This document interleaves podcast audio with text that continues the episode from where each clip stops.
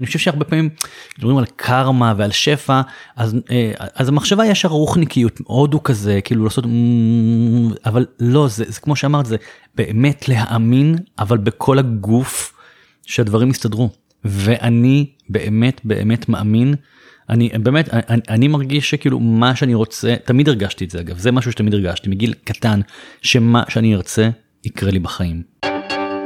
ברוכים הבאים לבית הספר לקרמה טובה. אני עורכת הדין רות דהן וולפנר ואני אדבר איתכם על זוגיות, על גירושים וכמובן על קרמה שהיא בעצם תוצאה. שלום וברוכים הבאים לעוד פרק בפודקאסט בית הספר לקרמה טובה. והיום האמת שאני קצת מתרגשת, יש פה אורח מאוד מאוד מאוד מעניין. אה, יובל אברמוביץ', היי יובל. אהלן. אז למי שלא יודע מי הוא, אם יש שניים כאלה בין המאזינים, הוא סופר ומרצה בינלאומי, מחבר 17 רבי מכר בארץ ובעולם, וגם אבא של שירה hmm. ונוגה, גר בתל אביב, בן 45, ואנחנו הולכים אה, לדבר על דברים שמאוד מאוד יעניינו אתכם, גם הספרים של יובל, שיש שם הרבה זה, וגם על קרמה קצת. יאללה. וגם על אובדן, וגם על פרדות. והתאוששות, והתגברות. וחלומות, כן. ואיך לצעוק את החלומות שלכם. בקיצור, תישארי איתנו, יהיה מעניין. אמ, אז בואו נתחיל, בוא נתחיל דווקא מהסוף. Mm-hmm. בדיוק סיפרתי ליובל שהספר אה, עד הדמעה האחרונה, 62 שיעורים מאימא, נמצא אצלי ליד המיטה. הספר הזה מאוד ריגש אותי, כי גם אני איבדתי את אימא שלי כשהייתה בת 62. Mm. מי שקורא אותו בעצם אה, מכיר אותך קצת לעומק. כן. אז בוא תספר מה, מה גרם לך לכתוב על זה. ו... כן, אז הספר הזה האמת נולד לגמרי בטעות, במקרה. אימא שלי נפטרה כשהייתה בת 62 מסרטן די מהר, עשרה חודשים מרגע גילוי המחלה. אה, וכשהיא נפטרה, אני בן יחיד, היינו מאוד מאוד קרובים ומחוברים, וכשהיא נפטרה אה, כתבתי הספד שאמרתי טוב אני לא יכול אה, לעמוד שם ובכל זאת אדם כותב ולהגיד אה, אהבתי אותה ושיהיה לך בהצלחה לא יודע בגן עדן. אז כתבתי שיהיה לך בהצלחה בגן עדן זה גדול. כן אמרתי בסוף איזה משהו בסגנון אבל וכתבתי איזה הספד ככה די מהיר בכמה דקות שהיה בנוי משבעה שיעורים שלמדתי מאימא שלי כמו לא לקנא תמיד להגיד כן הנה אפרופו קרמות כל הדברים האלה לא לקנא תמיד להגיד כן אה, לגהץ טוב כי היא הייתה אובססיבית לגיהוץ כאילו תחתונים סדינים והקראתי את זה ואנשים אה, מאוד התרגשו ומאוד בכו וגם מאוד צחקו אה, וזה לא היה הספד שגרתי. וכשחזרתי הביתה אז שיתפתי אה, כטבעי בפייסבוק ובאינסטגרם את הספד והוא זכה מהר מאוד לחשיפה מאוד גדולה בכל הצינור וסטטוסים מצייצים והוא הגיע לחצי מיליון אנשים ואנשים נורא התרגשו ואמרו זה מזכיר לי את אימא שלי מזכיר לי את אבא שלי הלוואי והילדים שלי יראו אותי ככה אה, אני גם רוצה לכתוב אה, את השיעורים שלמדתי מההורים ו- ולומר להם תודה עכשיו ולא מעל הקבר מה שהרבה פעמים אנשים בדיעבד מודים להורים שלהם זהו וכשקמתי מהשבעה. אמ, אז למחרת זה היה מתוכנן מראש טסתי ליוון לכתוב ספר שהייתי אמור לעבוד עליו אבל באופן טבעי המוח שלי והלב היו במקום אחר והתחלתי לכתוב לעצמי שיעורים שלמדתי עוד שיעורים שלמדתי מאמא שלי כאילו מין כזה אמרתי משהו קובץ זיכרון לבנות שלי ולי. ותוך כדי כתיבה הרגשתי שיש בזה גם משהו נורא מרפא ומשחרר ובאמת אה, מתעד וזה מצחיק כי אתמול בלילה נזכרתי בספר כי הלכתי עם חברים אתמול וראיתי איזה בחלון ראווה איזה מעיל שהוא מאוד מעיל אמא שלי הייתה מאוד אופנתית אמרתי וואי זה מאוד ואז אמרתי להם איזה קטע אמא שלי מתה כאילו פתאום נזכרתי ואמרתי שבא לי לקרוא בעצמי את הספר כי אני כבר כבר מתחיל לשכוח קצת דברים ו... ואז uh, כתבתי את הספר ו62 שיעורים מאמא והאמת שלא תכננתי להוציא אותו. כי הרגשתי שזה מאוד אישי ומאוד מה אכפת עכשיו לאנשים מה למדתי אני מאמא שלי. Uh, אבל מי שקרא את הספר כמה אנשים אמרו לי תשמע זה זה הרבה מעבר לאתה ואימא שלך זה את, אתם רק טריגר לתובנות על החיים אה, ותפרסם זה גם מאוד יושב לך על כל עולם התוכן שלך. וכמעט גנזתי אותו אה, ממש כמעט וזאת אומרת הוא נשאר מה שנקרא רק למשפחה וברגע של אה, חולשה חיובית שחררתי אותו לאוויר העולם והוא מאוד מאוד מצליח. ו... אומרים שכמעט כל סופר באיזשהו שלב אומר על הספר שלו, לא, לא, אין לי מה להוציא אותו, נכון? לגמרי, כל ספר, כבר לא מתרגשים ממני בבית שאני מצהיר שאני הולך לגנוז ספר ולא לפרסם, כמו שגם לא, גם אני תמיד מסיים ספר ואני אומר, זהו, עכשיו אני שנה לא כותב. ואז שבוע אחרי זה אני מתחיל ספר חדש. כן, השיפוטיות העצמית היא דבר נוראי. אה, אני חושב שכולנו לוקים בשיפוטיות עצמית, אבל אה, אני כבר למדתי עם השנים להבין שזה רגע למתן כזה. למתן אותה. אז, כן. אז בוא, בוא נדבר שנייה על משהו שככה שמתי לב אליו בספר, שעל הילדות שלך בתור ילד להורים גרושים. כן. אני גדלתי בבת ים, בשכונה בינונית.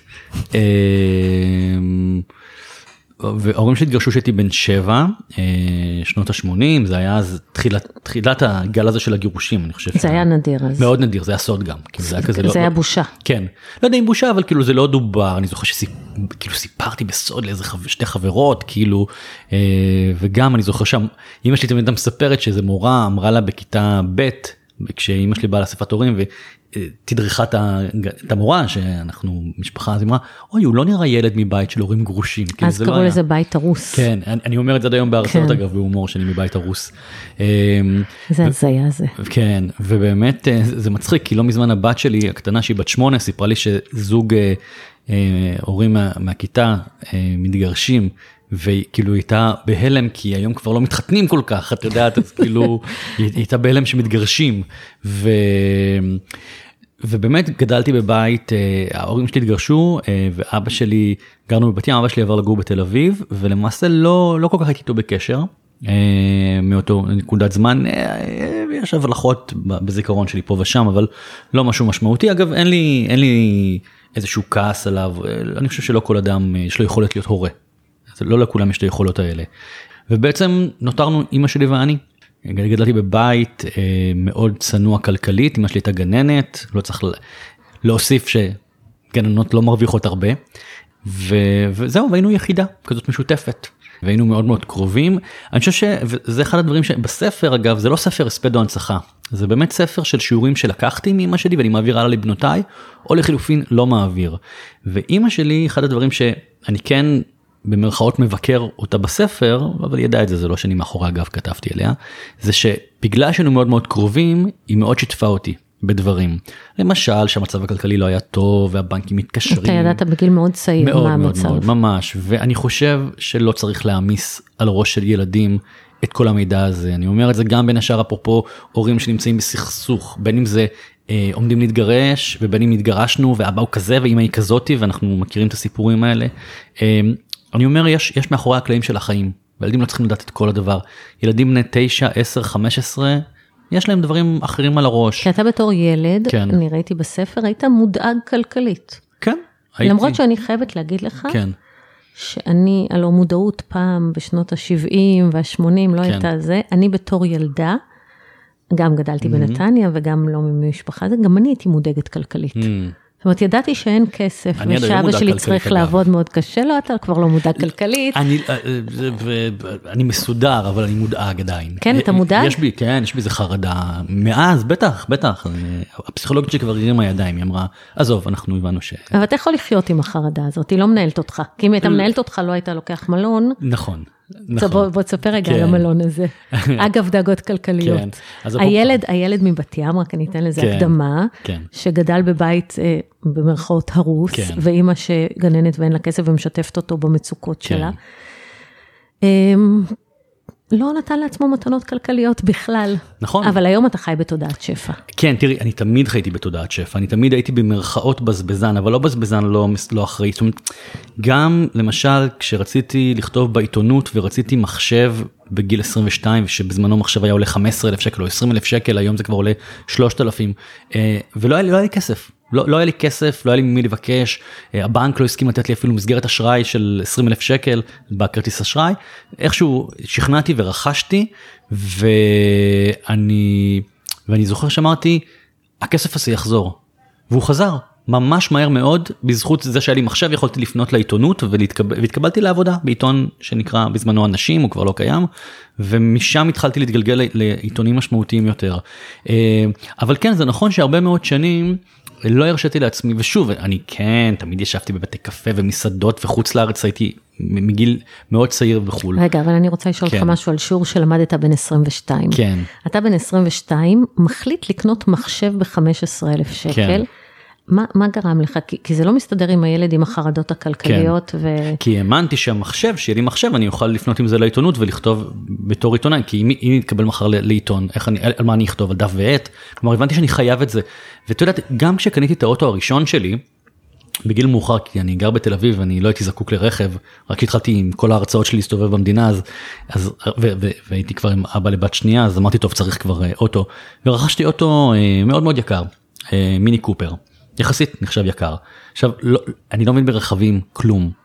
הלכתי וקניתי אותו, במקרה גם הכרתי שם מישהו שגם סידר לי איזה הנחה מסוימת, ואז אז הגעתי הביתה עם הרכב ובדיוק הגיעה אליי חברה ואומרת לי הופה הופה אמרתי לה מה הופה כאילו אומרת לי מיני קופר זה רכב אמרתי לה אין לי לא, לא ידעתי כאילו אמרתי לה הוא פשוט היה נראה לי נורא יפה ונורא פרקטי כי הוא קטנצ'יק ונכנס בחניה בתל אביב ו, ולמרות שזה רכב שעולה מחירון גלוי רבע מיליון כאילו אמרתי אני אסתדר יש לי מין תמיד אמונה פנימית שהדברים יסתדרו.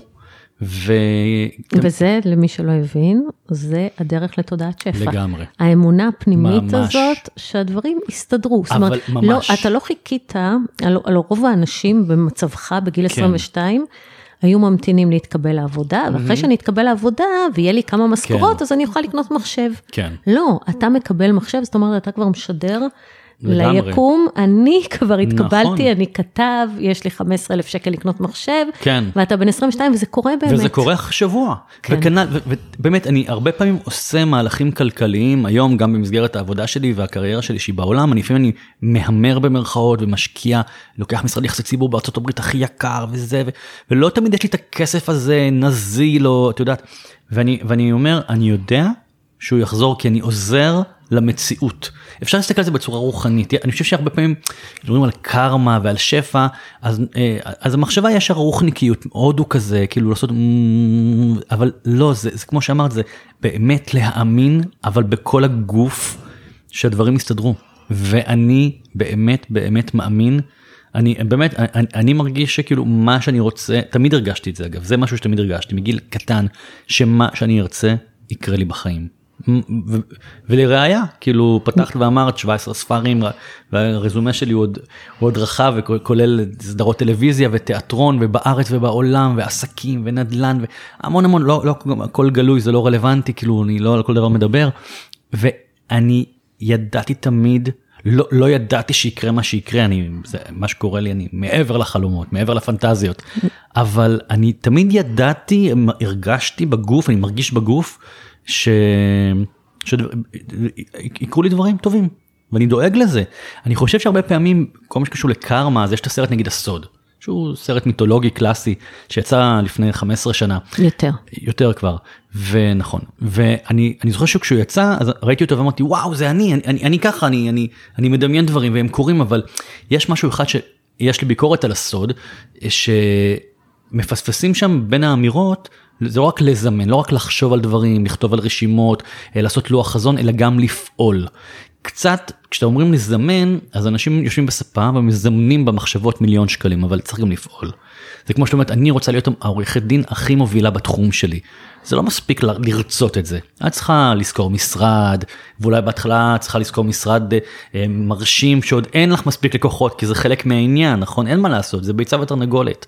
אז אני תמיד, את יודעת, היום באמת אני אחד מהמרצים המובילים במדינה, עולמות מלאים, מאות אנשים, אני חושב שגם היית באיזשהו סמינר שלי, ו, וגם כשעוד לא הייתי מבוסס, ההרצאות שלי היו מאוד מושקעות, המצגות, הסרטונים, הפליירים, הפולדרים, המחברות, המיתוג, כשלא היה לי כסף, זאת אומרת כאילו ההרצאות הראשונות, העשרות ההרצאות הראשונות שלי, אני כיסיתי אותן כדי לייצר מציאות שהיום האולמות מפוצצים.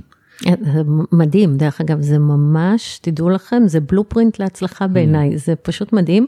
ובגלל שיובל אה, הזכיר שהייתי בהרצאה שלו, אני אספר, אתה אומר את ההרצאה הזאת, וזה עדיין יש לי את הכאב הזה בלב. אה, ההרצאה הזאת הייתה ב-29 למרץ 2019, והוא דיבר שם על אה, לכתוב רב מכר, ואני הייתי תוך כדי כתיבת הספר שלי, וככה, קצת הייתי בדחיינות, ולא... לא, לא התקדמתי בכתיבה בספר הראשון, כן? כן. קארמה איזה ביץ', לא התקדמתי בכתיבה בקצב שרציתי, ואז הוא אמר, תקדישו חלון זמן, שאתם כן. אה, מפוקסים, שאתם זה, פשוט תחליטו שאתם יושבים על זה. וזה היה יום שישי בבוקר, זה היה סמינר ממש יפה, ממש אהבתי אותו וזה, ולמחרת החלטתי לוותר על ריצת הבוקר שלי ולהתיישב מ-6 בבוקר לכתוב את הספר. ואז ב-9.40 קיבלתי את, הס... את הטלפון, שאם הייתי יוצאת לרוץ לא הייתי כנראה זמינה לקבל אותו, ואני לא רוצה לחשוב על זה. ובטלפון הזה לצערי אריאל ביקש ממני להגיע לבית חולים, הגרוש שלי ואבי ילדיי, הוא אמר שהוא לא מרגיש טוב, כשהגענו לבית חולים הוא היה בהחייאה והוא נפטר mm. באותו יום.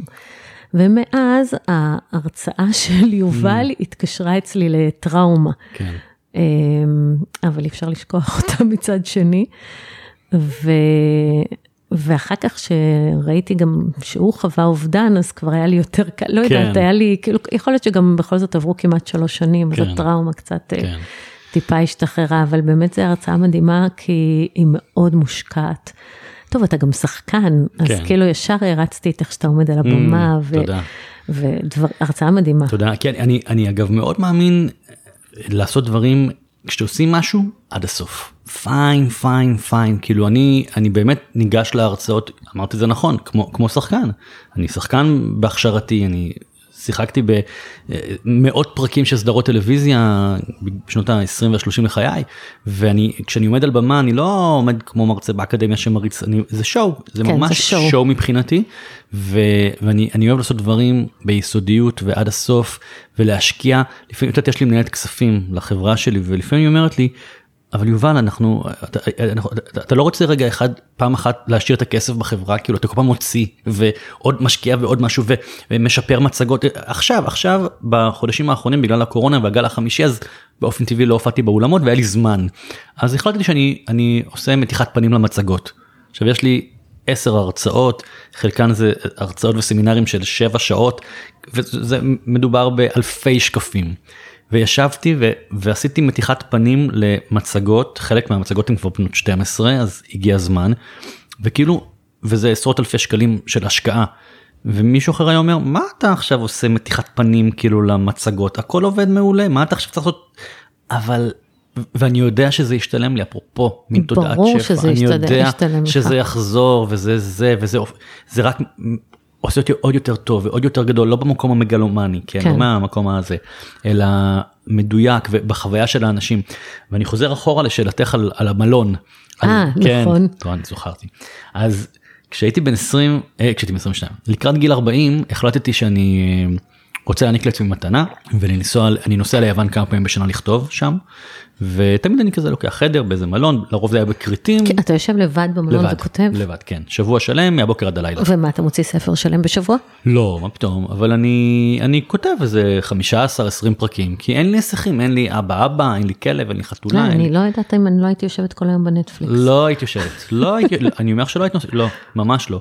ברור שבערב אני יוצא, יש לי כבר חברים ביוון, אני בערב יוצא לשתות ולאכול, אני בן אדם, אבל אני קם בבוקר, יקיצה טבעית, אוכל אוכל בוקר, כותב, כותב, כותב, כותב, כותב, שנץ. קם כותב כותב כותב ובערב אה, יוצא לבלות.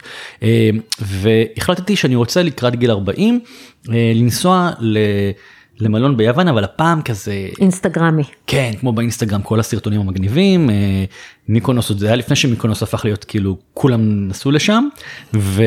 וראיתי איזה מלון מטורף סגרתי עם, עם בריכה רציתי בריכה פרטית אמרתי בא לי לשבת בבריכה וסליחה לכתוב בעירום עם עצמי לשבת עם הלפטופ לכתוב להיכנס לבריכה להיות ערום לזה, לזה כאילו ככה בא לי. וגייצתי ראיתי מצאתי מקום מדהים במיקונוס אה, מלון שעלה השבוע אה, 25 אלף שקלים. אה, ש, ש, שגם פרופורציה תחלקי את זה לשבוע כמה זה כן, 3,000 שקל ללילה הרי תצאי בישראל פה לבראשית זה המחיר פחות או יותר אם לא יותר יותר וגייצתי את הכרטיס והתחלתי עם עצמי דיאלוג חודשיים כן לנסוע לא לנסוע כן לנסוע לא לנסוע יקר זה אני יכול במחיר הזה לנסוע לארבע חופשות לאורך השנה וכולי וכולי. אה, כי עד, עד אותה נקודת זמן הנסיעות שלי ביוון עלו 7,000 שקל לשבוע. וגם אגב גם חדרים יפים עם יציאה לבריכה משותפת אמנם אבל ואז אה, הייתי אצל הפסיכולוגית שלי שאני מאוד מאמין בפסיכולוגיות ובטיפול. גם אני, מאוד 20 שנה מאוד. בטיפול ואני גאה בזה ואני אומר את זה ואני מעודד אנשים ללכת לטיפול מכל סוג. רק אנשים עם מודעות גבוהה מבינים את הדבר הזה ואני אומרת לכולם תלכו לטיפול יותר מאשר לקוסמטיקאית ולבוטוקס טיפול טיפול טיפול. לגמרי ואימא שלי אגב אני כותב את זה גם בספר נגיד היא, לא, היא שייכת לדור הזה של פעם. טיפול זה בושה אני לא צריך פסיכולוג אני לא משוגעת. אמרתי לך שגדלנו באותו בית. והיה לה איזה כמה עניינים כמו כולם שהיא סחבה אמרתי לה לכי כבר לטיפול כאילו. לא לא. לא כשהייתי אומר היא הייתה נעלבת כאילו. ואני גאה בזה שאני אצל פסיכולוגית 20 שנה. רגע אז מה הפסיכולוגית אמרה על המלון? והיא אמרה לי יובל כאילו אתה לא הילד מבת ים. תתקדם לא, אתה גר בתל אביב אתה אימפריה עסקית כאילו אתה יכול לשלם, יש תשלומים, הכל בסדר, כאילו, וכאילו תיתן לעצמך, ותרשה לעצמך. והלכתי הביתה, והצלתי בשדרות רוטשילד, ו... וכל פעם אמרתי לעצמי, זה נכון, אני באמת מתקשה, זאת אומרת, אני כן מעניק לעצמי, אבל זה תמיד מלווה באיזה ייסורי מצפון. עכשיו זה לא רק אני, זה כל כך הרבה אנשים שנכנסים לחנות, רואים אגרטל נורא יפה, אומרים, אה, 300 שקל, טוב, יש באיקאה ב-20. כן. נר ריחני, אה, 90, יש באיקאה ב-20. אה זה יש באיקאה. ו... ואמרתי וואלה ניסע ואיזה חבר דווקא אמר לי תקשיב דת, תפסיק לחפור תיסע. או שזה באמת בזבוז וזה באמת מוגזם לשלם על מלון את הסכום הזה או ש... שאתה... שזה הסטנדרט החדש של חייך. נכנ... הגעתי למיקונוס נכנסתי לחדר ישר בריכת אינפיניטי פרטית שמתחברת לים משהו מטורף בדיוק היו יכטות שעגנו שם ואני מסתכל ואני אומר זה הסטנדרט החדש של חיי. ואגב יותר מזה היום זה החופשות שלי זה הסטנדרט אבל יותר מזה שגם למדתי להשתכלל ולמצוא את החופשות האלה בחצי מחיר. וטריק למי שמקשיב לנו וגם לך אני פשוט מזמין שנה וחצי מראש ואז המחיר הוא חצי מחיר. כן. אז אה, זה איזשהו טריק שלמדתי להוזיל עלויות. אז רגע אז בוא נדבר שנייה על סטנדרטים כן. כי זה גם זה אתה יודע שטוני רובינס כן. אתה בטח מכיר אותו כן. אומר. תרימו את הסטנדרטים שלכם, mm. החיים שלכם ישתנו. Mm. ואני שומעת אותך ואני קולטת שאתה בכל דבר דורש מעצמך סטנדרט גבוה. נכון. סטנדרט גבוה. לגמרי. כל דבר אתה מרים את הסטנדרט. בהכל, בחברויות, בהקשרים זוגיים, בהכל, מהבנות שלי, מהכל, אני באמת, אחד הדברים החשובים שעשיתי בחיים שלי, ואני כתבתי את זה בכל ספר שלי ממיליון זוויות אחרות, זה האנשים שמקיפים אותך. אני העפתי מחיי את כל האנשים המרעילים, הממורמרים, המתוסכלים, הרכלנים, הרעים, הקטנים, הלא מאמינים, ועוד ועוד ועוד. עכשיו זה לא שאסור להיות לידי ולהתמרמר, זה בסדר, גם אני לפעמים יכול להתמרמר, יש ימים כאלה, אבל, אה, אבל האנשים שנמצאים איתי, מקיפים אותי, הם אנשים שכשאני אומר להם, זה החלום שלי, יכולים להגיד, שמע וואי זה לא פשוט אבל אתה מסוגל ואני אעזור לך. אלה האנשים שלי, זה, זאת החבורה שלי, אנשים כאלה. אה, ש... אתה יודע שאתה הופך להיות הממוצע של חמשת האנשים הכי כן, קרובים אליך, כן, אומרים, כן, אז כן, אתה כן, לגמרי כן. צודק. אז ממש, יש לי חברים ברמה מאוד מאוד גבוהה. שוב, זה לא שכולם עכשיו מוצלחים ומיליונרים, ממש לא, יש אנשים מכל מיני סוגים. זה, זה, אני לא מחפש אנשים אה, עכשיו אה, עם חשבון בנק תפוח, אבל אני מחפש אנשים עם, עם, עם, עם, עם ראייה חיובית לחיים. וזה משהו שמאוד מאוד אני עשיתי ואני עושה עשיתי ריסטארט כאילו למעגל החברתי שלי ואני מאוד מאוד ממליץ על זה ו, וכן זה נכון להרים את הסטנדרטים בהכל כל הזמן. כל הזמן לשאוף להשתפר ולשפר ו, כאילו במקום שנמצא היום אני כאילו יכול לנוח על זרי הדפנה. וגם את דיברנו על זה קצת לפני ההקלטה אבל לא, אבל מה נעשה אם ננוח על זרי הדפנה, נשתעמם, לא? נכון, נכון, אז, אז, כן, אז כן יש לי היום, יצרתי לעצמי חיים שאני אני עובד הרבה, אבל אני עובד מבחירה, וכשאני לא, בא לי היום לא לעבוד, אז אני לא, נגיד היום אני מנסה לחשוב על מה עבדתי, כאילו, לא יודע, כתבתי שעה. זאת העבודה כל השאר פגשתי חבר באתי לפה אה, ראיתי משהו בנטפליקס ישנתי שנץ כמו כל יום כל יום שנץ יואו, איזה כיף לך, אני לא יכולה לדמיין את זה. תעשי לך פה חדר במשרד. ממש. טוב, אני עדיין לא עובדת כמו שאני רוצה, אבל uh, בסדר, אין תלונות, ברוך השם. Um, ועכשיו אני רוצה, תראי, אני כבר אומרת לך שחלק גדול מהמאזינים דווקא לפודקאסט הזה נמצאים בתקופות של משבר לחיים כן. שלהם, ועד עכשיו היה ממש ממש מלא חומר mm-hmm. שהוא קלאסי למי שרוצה להתחיל טוב מחדש. כן. אבל בוא נדבר עכשיו, בוא נעלה צעד mm-hmm. ונדבר על שנת המתנות. Mm-hmm. כי שנת המתנות זה ספר שמדבר על אישה, נכון. שהבעל שלה עוזב אותה במכתב עם 14 שורות, כן. היא בת 39. כן, מכתב מעליב כזה. מעליב, בלי כן. הסבר, למה? החלטתי לעזוב אותך. הוא כותב, אה, עכשיו זה, הייתי שבע שנים קרקע פוריה עבורך, עכשיו זה הזמן שלי. זהו. מניאק. מניאק. כן. אה, כן? והיא באיזשהו שלב לוקחת את השנה הזאת שהיא התמוטטה והתפרקה, והופכת אותה לשנת המתנות נכון. שלה. אז מה זה בכלל שנת מתנות? כי אם, אם נגיד, אני רוצה להמליץ כן. לנשים ששומעות, גם לגברים, כן. לתת לעצמם דווקא אחרי הגירושים שנת מתנות. כן. מה, מה זה אומר?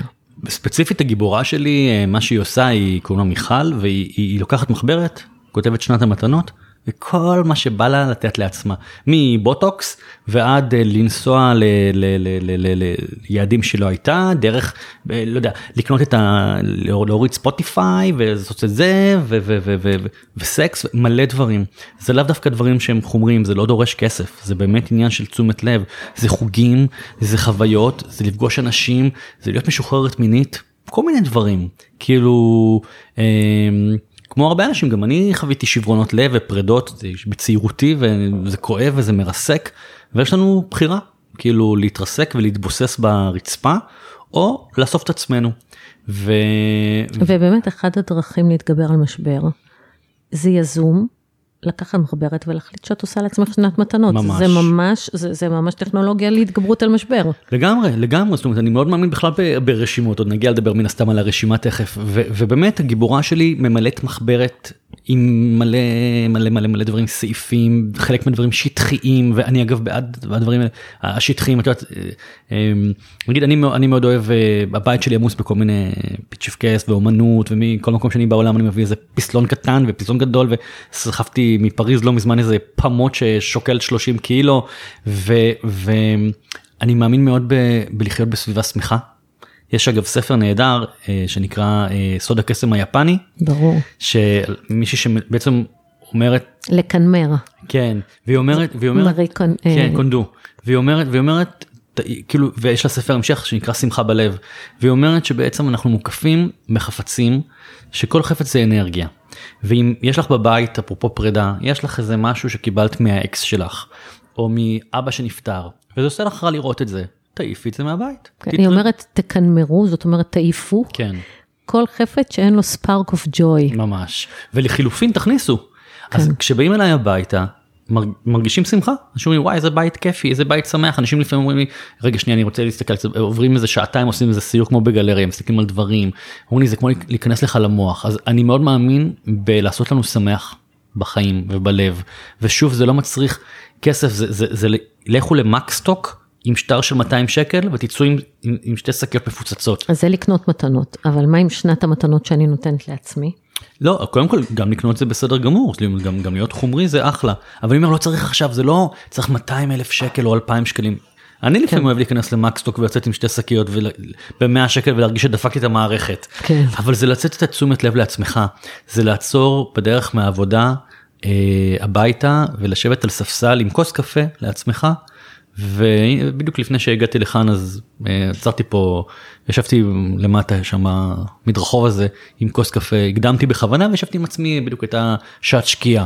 ו- ו- וזה זה, זה הדבר הקטן הזה, אנחנו כל היום רצים רצים רצים רצים, ילדים ופה ושם וזה, ובכלל כשאנחנו מתבגרים, יש לנו קריירה וילדים לטפל בהם והורים מתבגרים, אין לנו זמן, אנחנו מזניחים את עצמנו.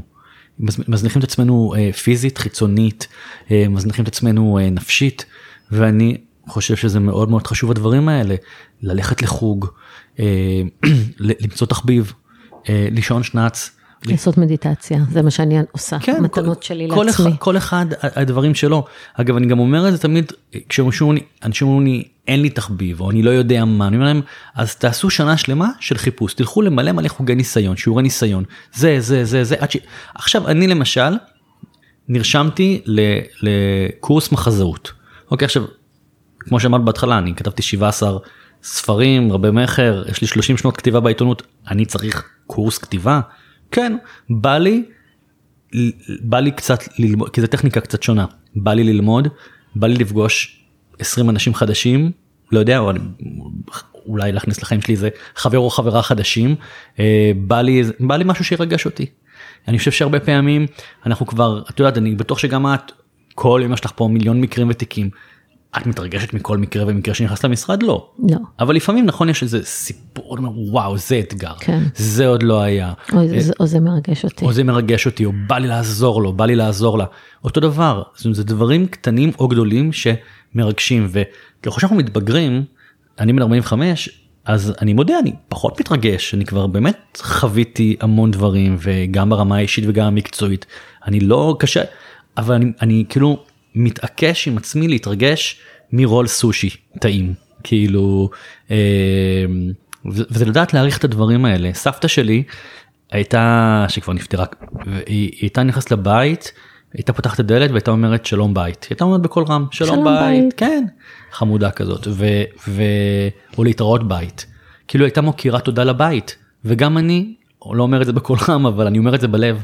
לפעמים אני יושב בבית ויש לי בית מאוד נעים, ו- ואני כאילו מסתכל על, יודע, על השקיעה מה- מהבית שלי לים, ו, או סתם נכנס לבית, ו, ו, ואני אומר איזה כיף לי, איזה כיף לי, ותמיד אמרתי, גם כשגרתי בבתים יותר צנועים ויותר קטנים, ותמיד גם, אני גר מגיל 21 בב- בבתים או עם שותפים שותפות בהתחלה, אבל מגיל 25 לבד, או בתוך זוגיות, ותמיד היו לי בתים שמחים ומשפחתיים ורחבים וגדולים יחסית לגיל שלי. אה, כלומר, כבר בגיל 25 גרתי בבית בדופלקס של שתי קומות בדיזינגוף. סחטיין עליך. אבל אז היה לנו עוד זול, זה 4,000 שקל, היום בטח זה עולה 30 אלף שקל לחודש. בטוח. כן, אבל זה בדיוק העניין, כאילו להרשות לעצמך, לא להגיד, כי אנשים אמרו לי, מה, בגיל 25 אתה גר בדופלקס וזה? כן, למה לא? היה לי ג'קוזי על הגג, 360. אתה תמיד היית בסטנדרט גבוה. כן, והבאת את זה לעצמך. כן. זה מדהים בעיניי. יצרתי. אני באמת מאמין כן. שאנחנו יוצרים את חיינו, ממש ככה. וזה, אתה יודע, זה התורה שלי על הקרמה. הקרמה זה יודע. התוצאות שאנחנו מביאים לחיים שלנו. כן, כן, כן, כן. ועכשיו אנחנו חייבים לדבר, כי האמת שזאת הסיבה שהכי רציתי שתבוא כן. לפה, אה, ליצוק את החלומות, שזה בעיניי זה קונספט מדהים.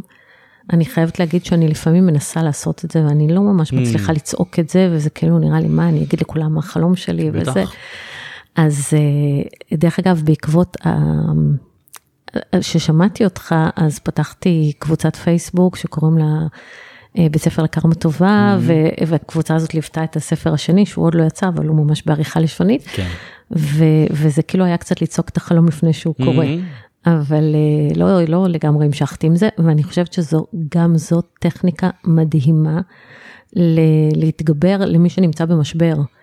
אה, קודם כל להכריח את עצמך לחלום וב' לצעוק את זה, אז בוא, אתה חייב לספר לנו על זה. אוקיי, אז טוב, פרויקט הרשימה זה באמת אחד הפרויקטים שאני גאה בהם.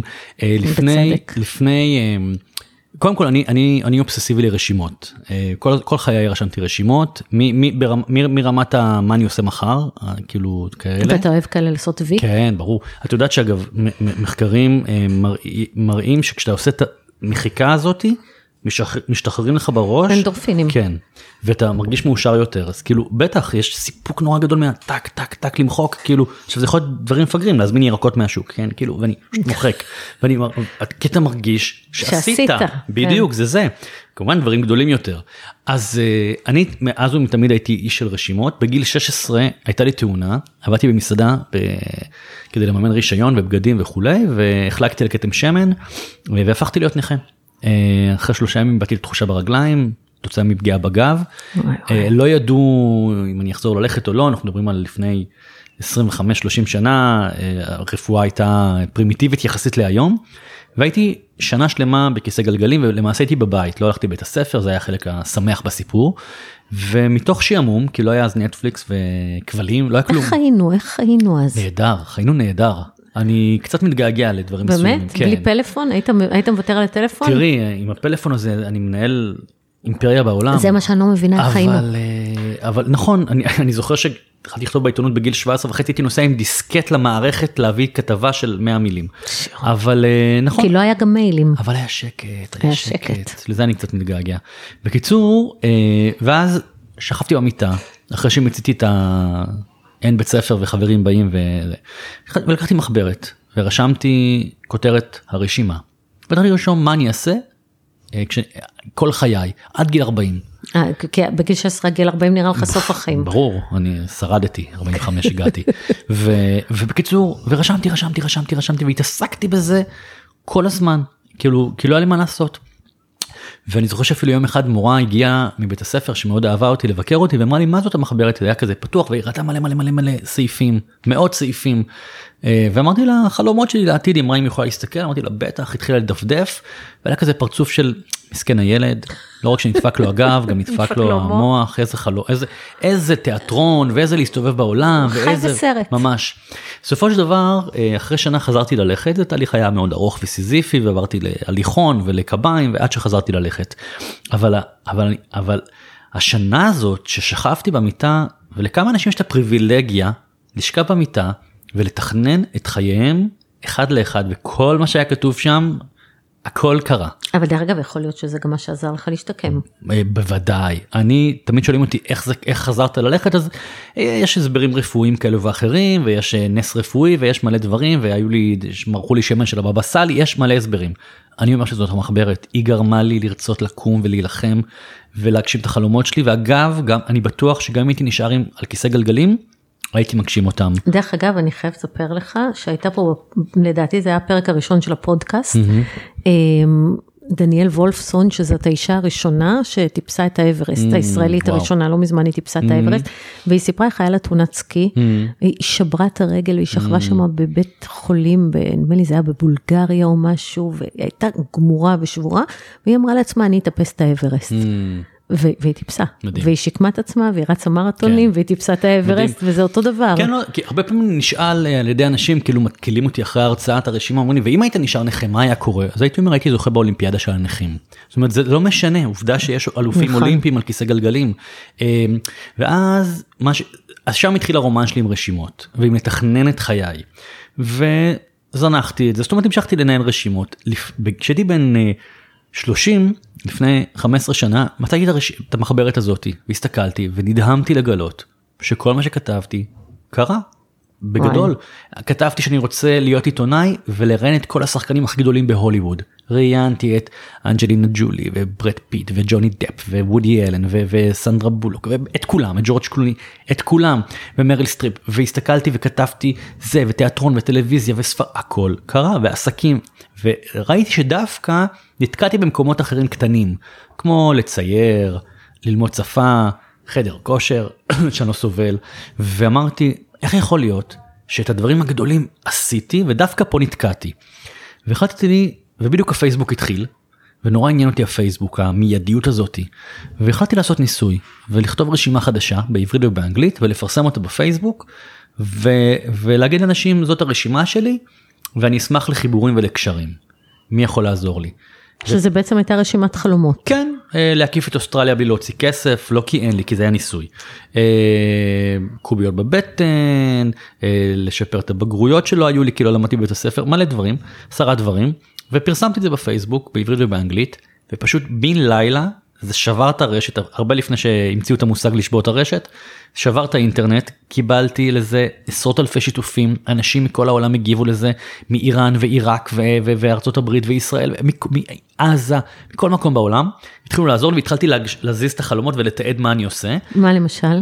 אה, סתם למשל כתבתי קוביות בבטן אז כתב לי מישהו מניו יורק שהוא מאמן כושר ויש לו אה, הוא הוציא בזמנו היה dvd כזה כמו ג'יין פונדה אז היה לו dvd מארז הוא אמר לי אני שולח לך לישראל. באוסטרליה מלא אנשים אמרו לי רגע, אבל היו, עשית קוביות בבטן? כי אתה צריך ללמד אותי איך. אה, אז זהו שבאיזשהו שלב טוב זה כבר שיחה אחרת אבל רחבה אבל אני יכול להגיד שבאיזשהו שלב הבנתי שזה לא הקוביות שחשובות לי חשוב להיות חטוב. כן. ומצאתי את הספורט שחיפשתי את הספורט שחשוב לי שאני אתחבר אליו מצאתי את השחייה מצאתי את הריצה זה מה שאני עושה בסך הכל תוצאות חביבות. אבל מה שקרה ואז במקביל הלכתי יום אחד עם הבת שלי שירה היום היא בת 13 אז היא הייתה בת 6 אנחנו ברחוב בערב לאכול גלידה וזה היה כזה שעת, שעת דמדומים אה, רגע לפני שקיעה. ואז שירה כזה דיברה לעצמה כמו שילדים מדברים לעצמם ואמרתי לה שירו שהכל בסדר אמרה לי כן פשוט נפל כוכב וביקשתי משאלה. אוי, סממי. כן אמרתי לה מה המשאלה היא אמרה לי אני לא יכולה לספר לך. אמרתי לה למה אמרה לי אם אני אספר לך זה לא יקרה. נכון. ואז הלכנו ואני ממש זוכר את הרגע הרגע ששינה את חיי. ואמרתי לה את יודעת אני חושב שאת טועה. אני חושב שתספרי לי מה החלום שלך אולי אני יכול לעזור לך להגשים אותו זה כמו שכשהייתי בגיל שלך הלכתי עם סבתא וסבא לכותל המערבי וכתבתי על הפתח שאני, שאני רוצה לקבל מחשב וקיבלתי מחשב אז היא אמרה לי מה אלוהים קרא את הפתק אמרתי יותר בכיוון של סבא קרא את הפתק ואז הבנתי שחלומות צריך לצעוק. אין בן אדם שאין לו, לו רשימת חלומות. בדף, בפתק, בקובץ במחשב, בלב, בראש. רוב האנשים שומרים את זה לעצמם, בינם לבין עצמם. מה זה עוזר? מה זה עוזר שאתה מכבה את הנר ביום הולדת ואומר בלב, "אה, אני רוצה לטוס לברזיל. כאילו, מי שומע? מי יכול לעזור? הרי אם אני אגיד, תהיה לי עכשיו מסיבה, ויבואו 100 איש ואני אגיד, החלום שלי השנה זה לטוס לברזיל. אז אולי חברה תגיד, אה, גם שלי, בוא נטוס ביחד, וזה יזרז. אולי במקרה אה, חבר אחר יגיד, אה, אה, דוד שלי גר בברזיל, יש לו, יש לו שם בית, אתה רוצה לדבר איתו, לישון אצלו? לא יודע. ואז הבנתי שחלומות צריך לצעוק במרכאות, לא, לא, אפילו לא לצעוק, לדבר עליהם. ו, וכי כל אחד מכיר מישהו שמכיר מישהו שמכיר מישהו בארץ, בעולם, ובעצם זה, זה ההיילייט של הרשימה. שצריך לדבר על חלומות, צריך לצעוק אותם, צריך לבקש עזרה, אנשים נורא מתביישים לבקש עזרה. נכון. אפרופו את אומרת גירושים, כן גירושים זה פרידה זה דבר מאוד מאוד קשה, זה לפעמים זה ממוטט כלכלית, מי כמוך יודעת את זה היטב. ואני יכול להגיד שיש לי חבר מאוד מאוד טוב שעבר גירושים מאוד מאוד מורכבים, גם אה, אה, הוא ואשתו היה להם עסק משותף, עסק שמגלגל מיליונים, והיה שם איזה בלאגן עם כספים כמובן, והיא סגרה לו. תמיד סביב כסף. כן, ו... ו... וזה היה לו מאוד מאוד קשה וטראומטי, כי זה באמת היה עסק שהניב הרבה מאוד כסף, ו... והיא ממש כאילו סילקה אותו מהעסק. והיו לו שתי אפשרויות, כאילו להתבוסס בעצמו ובדבר הזה ועם עצמו, או לשתף אנשים במצוקה. והוא שיתף מלא מלא חברים וחברות, הוא, כל הזמן מדבר על זה, שזה גם דבר נורא מרפא, לדבר על דברים. ו, ואנשים התחילו להגיד לו, אז, אז תעשה את זה, ותעשה את זה, ואני מכיר את ההוא, ותחבר אותך. והוא פשוט הצליח להמציא את עצמו מחדש, הוא יצר איזשהו עסק אחר, חזר מהר מאוד, עמד על הרגליים, שנתיים, זה, זה, אני מהר מאוד, כלום. ביחס של, של חיים ממש, אז היו שנתיים מאוד קשות ומורכבות ועניינים, אבל בזכות לדבר על זה. אז אפילו, אז, אז קשה לכם לצעוק חלומות, דברו עליהם, דברו עליהם עם, עם 50 אנשים. כי באמת, אני חושב, וזה נורא מתקשר אפרופו לקרמה, אני מאמין שיצר האדם הוא טוב ולא רע, כמו שאומרים. אה, ויש מלא אנשים שרוצים לעזור, רק צריך לבקש מהם עזרה. אני, גם היום כאילו במעמדי במרכאות, שכאילו אני לא צריך עזרת אנשים, אבל ברור שאני צריך עזרה. מה זאת אומרת, אני, אני כל הזמן, אני, ואני כל הזמן מבקש עזרה, כל הזמן. וכל הזמן קורים לי דברים בגלל זה. כאילו, לא יודע, דיברתי עם איזשהו חבר לפני שנתיים, אתה יודע, יש לי רעיון לתוכנית טלוויזיה, שמבוססת על הרעיון של הרשימה, מין תוכנית ריאליטי כזאת. והוא גר בארצות הברית, וכאילו זרעתי בו זרע בתודעה. טמנת את זרע כן. קרמה. והוא מתקשר אליי לפני כמה חודשים, הוא אומר לי, תקשיב, הייתי בפגישה, ב...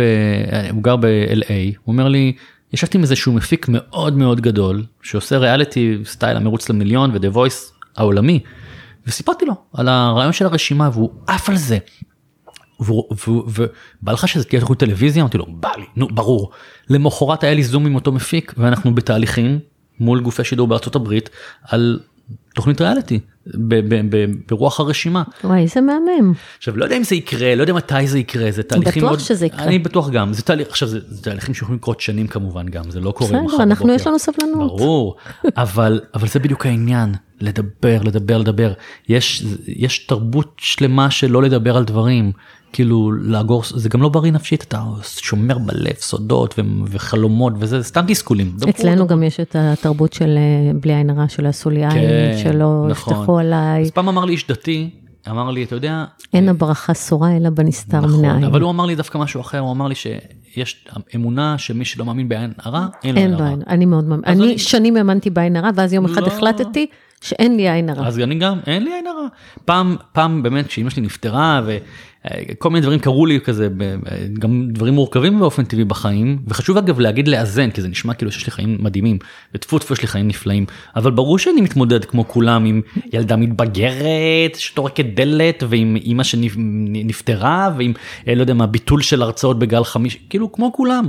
אבל אה, אני באמת באמת מאמין, אה, זאת אומרת, אני, כאילו, ואמרו לי, אה, אולי, אולי, אולי בגלל שאתה מספר בפייסבוק על מה שקורה, אז קרה. אתה עושה לעצמך עין. לא, ממש לא. לא. לא, לא, אין, אין, אין, אין עין הרע. בדיוק. אין עין הרע, שומעים? אין. אין. כאילו, אוקיי. דברים קורים כי הם קורים, כי זה החיים. יש לי פרק שבספר על אימא שלי, על עד הדמעה האחרונה, אז כתבתי שכשהיא נפטרה והייתי ביוון, אז באופן טבעי בימים הראשונים, ואני בטוח שאת מכירה את זה גם, והוא גם אולי המאזינים והמאזינות, אמרתי, למה זה קרה לי? למה זה קרה לי? למה זה קרה לה? וזה, ואז אמרתי, ולמה ילד בן שנתיים נשכח באוטו ומת? ולמה הייתה שואה? כי ככה, כי פשוט ככה, כי זה, זה החיים. לפעמים מישהו מת בגיל מוקדם, ולפעמים מישהו נשכח ברכב. זה, זה אסון, זה טרגדיה, אבל כי ככה, כאילו, זה, החיים. וצריך להסתכל על זה נורא בפשטות. נכון. אמ, אני בכלל מאמינה, אתה יודע, שזה גורל. אמ, דיברנו קודם אה, בשיחה המקדימה שלנו על הבדל בין קרמה לגורל, ואני אני אומרת שקרמה זה תוצאה, והיא באמת, כל מה ששמענו פה עכשיו, בית ספר לקרמה טובה. הרבה מאוד דברים שפשוט מביאים קרמה טובה, שזה בעצם תוצאה טובה, תסתכלו את החלומות שלכם, תרימו את הסטנדרט, אבל עדיין בקרמה שלנו אנחנו יכולים לשלוט, בגורל לא. והגורל זה בעצם כל הדברים שהם מוכתבים לנו, אה, מתי הנשמה שלנו תעזוב את העולם, מתי ניוולד, מי ייוולד לנו, למי אנחנו ניוולד, אין לנו שום יכולת לשלוט על הדברים האלה, וזה גורל. ואימא שלך וגם אימא שלי הלכו לעולמן בגיל 62, כי הנשמה שלהם סיימה את התפקיד. עכשיו, אני לא יודעת אם זה נכון, כן. אבל הרבה יותר קל לי להתמודד כשאני אומרת את זה. הנשמה שלה סיימה את התפקיד, הנשמה של ניב סיימה את התפקיד. יותר קל לי לחיות עם האובדן הזה, עם כן. האסון הזה, שאין לו באמת הסבר, חוץ מזה שזה גורל כזה. אמ, אז, אז גם בעניין הזה, אתה יודע, אז ככה זה, כן, כן. כן, יש, יש סוג של דברים שאין לנו שליטה עליהם בחיים. אני חושב שגם אפרופו הפרידות, למה זה קרה לי? כאילו, קרה, כאילו, לא יודע, אנשים נפרדים, כאילו, אני חושב שתמיד אפשר... לא, לש- אבל למשל, על כן. הדברים האלה, אני תמיד אומרת, ש... ואני רואה שגם אתה עושה את זה, שגם כשקורים לך דברים ממש רעים, קודם כל אתה לוקח על זה אחריות, כן, וב' אתה יכול לראות מה טוב בזה. לגמרי. אתה יכול כל דבר שקורה לך, אני נורא מאמינה בזה. אני כל דבר מאמינה שהכל לטובה. לא אסונות כאלה של גורל, אבל אתה יודע, קראתי את המיניסקוס, לא יכולתי לרוץ, אז התחלתי לכתוב. כן. זה עשה בלוג של כן. מאות אלפי אנשים, וזה קרה מזה בסוף משהו טוב. אז גם דברים רעים שקורים לנו, קורים, בסוף הם יכולים להיות לטובה. אני, אני, אני מאוד מתחבר לזה. את יודעת, אפילו שאמא שלי נפטרה בגיל 62, אז, אז אתה יכול להגיד מה, כל כך צעירה, ולמה, והיא הייתה בשיאה, והיא הייתה אישה מאוד מאוד מאוד יפה, תעשו גוגל, תמר. אברמוביץ', והיא הייתה דוגמנית, כאילו, שפרצה בגיל 60, באמת, זה סיפור בפני עצמו מדהים. ו, ואז היא גם צעקה את החלום נכון, שלה. נכון, החליטה נכון, שהיא רוצה נכון. להיות דוגמנית בגיל 60. ובאמת, היא הייתה בשבוע האופנה, היא עשתה דברים מטורפים. היא דגמנה שמלות קלה, שמלות כן, קלה כן, בגיל כן, 62, כן, כן, דברים- 60. 60, דברים מטורפים. אבל אני זוכר שכשהיא נפטרה אמרתי לעצמי, כאילו ניסיתי למצוא נחמה ו- ודברים חיוביים בדבר הכי נורא שיכול להיות לאבד אימא בגיל כשהיא בת 62 ואני בן 42 יחסית עוד צעיר. ואני זוכר שאמרתי לעצמי, טוב לפחות נחסך ממנה להתמודד עם הזקנה. כי, כי אימא שלי הייתה אישה כל כך מטופחת ויפה וחיונית, לא בטוח שהיא הייתה אישה שהייתה נהנית להיות בת 85 עם הליכון, כאילו, כן. לא שזה מחייב להגיע לשם עם הליכון, אבל לא בטוח שהייתה, הזקנה הייתה, היא הייתה מסתדרת עם הזקנה. אז, אז זאת הנחמה, עכשיו את יכולה להגיד, בכוח אתה משכנע את עצמך. לא, אבל זה בסדר, זה ככה צריך. נכון, אז אני אומר, כן, נחסך ממנה הזקנה, היא נפטרה יפה והיא לנצח תישאר יפה. כן. וואו, טוב, אני ממש רוצה לשאול אותך שאלה אחרונה. בטח. איזה חלום אתה רוצה לצעוק? וואו, איזה חלום אני רוצה לצעוק. שאלה יפה. אה, את יודעת, שנים שאלו אותי שאלות דומות בראיונות בתקשורת בעולם, מה החלום הבא, מה החלום הבא, ושנים אמרתי שהחלום שלי באותה תקופה היה איזון. כי באמת היו לי חיים אה, לפני הקורונה, אה, שלוש שנים חייתי במטוסים. נדדתי ממדינה למדינה. עכשיו אתה קצת מתגעגע למטוסים, תודה. אה, כן, קצת. לא, אני, אני גם טס, אני טס. כן, אה, אבל זה לא מה שהיה פעם. נכון, נכון. לא, אני טס, זה, זה גם יעבור, הקורונה תעבור בסוף. ו... ואז אמרתי איזון, איזון, איזון, ובאמת גם כי הקורונה הגיעה וגם... קיבלת איזון. מה זה קיבלתי איזון ואני בבית ואני נהנה, לא, תשמעי, באמת, אני, אני, אני ש, שנים, באמת, עד הקורונה, לא, לא ידעתי מה זה לשבת בספה, לי, יש לי סלון מאוד יפה ומעולם לא ישבתי בו. מעולם לא ראיתי טלוויזיה בסלון ועכשיו סוף סוף אני כמו רוב בני אדם רואה נטפליקס רואה סדרות ונהנה מזה. אה, אז איזון זה מה שרציתי וזימנתי וקיבלתי יש מצב שאת הקורונה אני הבאתי לעולם בגלל הבקשה שלי. לא שתביני שאיך החיים שלי נראים לפני הקורונה הייתי יכול נגיד ממש הייתי בפריז עשרה ימים בהרצאות חזרתי לישראל בטיסה לטבריה כי היה לי שם הרצאה. למחרת טסתי לצ'כיה. כאילו ככה להרצאה. ככה החיים שלי נראים. מאוד נהניתי יש לזה המון יתרונות אבל גם קשה, בידוד, קשה מאוד. קשה. Um, היום איזון זה לגמרי מה שאני עדיין רוצה לשמר. כן הייתי רוצה uh, למצוא uh, סוכן או סוכנת בינלאומיים אם מישהו מקשיב לנו ומכיר מישהו שמכיר מישהו שמכיר מישהי סוכן באירופה או בארצות הברית שיטפלו בספרים שלי, יטפלו בהרצאות שלי, אבל במינונים אחרים ועדינים יותר, אני כבר לא ברצון להסתובב כל היום בעולם, אני כבר גם לא בגיל. אה, סטנדרט גבוה כזה. כן, אבל אה, כן, כי אני אגב, את כל הקריירה הבינלאומית שלי, אני עשיתי במו ידיי, בלי סוכנים, בלי מנהלים. אני פניתי להוצאות ספרים בעולם, שזה דבר, מי שלא מכיר, לא, לא קיים, אה, רק עם סוכנים. הצלחתי לפרוץ את הדבר הזה. והספרים שלי נמצאים היום באיטליה וארצות הברית וקנדה וצרפת ובלגיה וקוריאה וסין ולבד ממש לבד אבל עכשיו אני רוצה סוכנים. שיעשו לי את זה אני, אני מוכן לשלם אחוזים מוכן זה אין לי בעיה להרוויח פחות הכל טוב. ואז זה זה אני רוצה להמשיך להפיץ את המסרים שלי אה, אבל שאחרים יעשו את זה עבורי. אז אם מישהו מכיר מישהו שמכיר מישהו בארצות הברית או באירופה. תפנו אותו ליובל אברמוביץ'. כן, תכתבו לי בפייסבוק או באתר שלי. יובל, מלא תודה. אני באמת חושבת שהפרק הזה ישבור את הפודקאסט. איזה כיף, תודה. כי הוא ממש מדבר עליך להביא קרמה טובה, ומאחלת לך קרמה טובה, ותודה רבה שבאת. תודה, היה לי לעונג, אני מתראיין לא מעט, אבל היה לי ממש כיף. היה מרענן, אז תודה. תודה.